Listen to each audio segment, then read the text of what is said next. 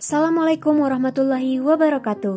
Hello, it's a Barakah Day. Welcome back to The Voice. Suatu pagi, seorang guru menyampaikan materi tentang menahan al-ghais. Al-ghais itu sendiri yaitu kemarahan yang terbesit di hati dan belum tampak secara ekspresi. Jadi belum kelihatan dia marah gitu kan ya, tapi udah ada di hati, dia kesel atau marah gitu kan ya. Namun pembahasan kita bukan pada hal ini. Lanjutnya beliau menyampaikan bahwa menahan al-ghais itu merupakan salah satu bentuk dari kedewasaan.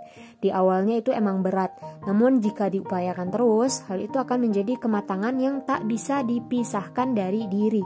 Yang kalau kita dengar, sering dengar nih hal itu bernama tabiat.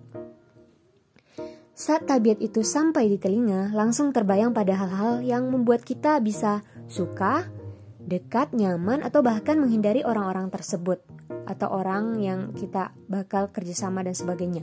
Bener nggak?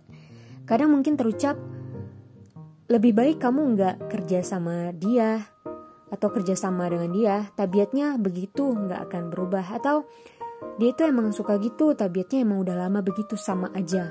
Nah, dan benar jika tabiat emang nggak bisa dipisahkan dari diri kita karena dilakukan berulang, jadi terbiasa hingga tak terasa. Sebelum kita melihat dan mereview tabiat orang lain untuk kebutuhan sebagai rekan kerja, partner bisnis, atau bahkan partner hidup, gak keren banget kalau kita nggak nge-review tabiat kita sendiri dulu. Sering gak dengar kata-kata kayak gini, aduh aku orangnya emang dari dulu udah kayak gini, susah ngubahnya. Nah, statement ini menandakan yang ngasih tahu ke orang lain, tabiatnya itu kayak gitu, dan ia mengakui bahwa sesuatu yang udah ditumpuk-tumpuk terus memang akan sulit mengubahnya. Seperti sebuah api kecil, tentu lebih cepat memadamkannya daripada api yang sudah terlanjur membesar. Tapi bukan berarti tidak bisa. Seburuk apa pun tabiat saat ini dan anggapan orang saat ini berusaha untuk tidak tenggelam pada anggapan mereka dan fokus utama kita pada mengubah apa yang ada pada diri sendiri. Gimana? Setuju? Cara terampuh melakukannya itu ialah dengan menggantikannya, menggantikan hal tersebut dengan yang baru sama seperti yang disampaikan Charles Duhigg di buku kuning bestsellingnya itu awalnya dikurangi dulu. Kurangi kurangi ditambah dengan menggantikannya dengan hal lain yang sejatinya juga memberi energi pada diri. Contohnya contohnya ini truth story. Nggak dibuat-buat kayak soal matematika anak SD ya. Ini udah pernah dicoba gitu kan ya Awalnya main IG lama sampai lupa waktu, abis itu bisa dikurangi dan sembari dikurangi diganti sama aktivitas misalkan baca buku di Google Playbook yang sama-sama bentuknya nge-scroll juga, tapi reward yang didapatkan setelah melakukan itu beda. Atau misalnya awalnya kita suka marah-marah, setiap marah langsung show off gitu, apa lo apa lo gitu atau membalas gitu kan ya dengan perkataan atau dengan ekspresi yang sangat tidak uh, menyenangkan gitu kan ya.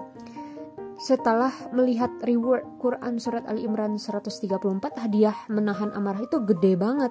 Dan dikasih solusi langsung sama Rasulullah buat ubah posisi kalau lagi marah. Kalau berdiri duduk kalau nggak bisa juga duduk berbaring atau kalau lagi di luar itu menjauh dari hal tersebut gitu kan ya.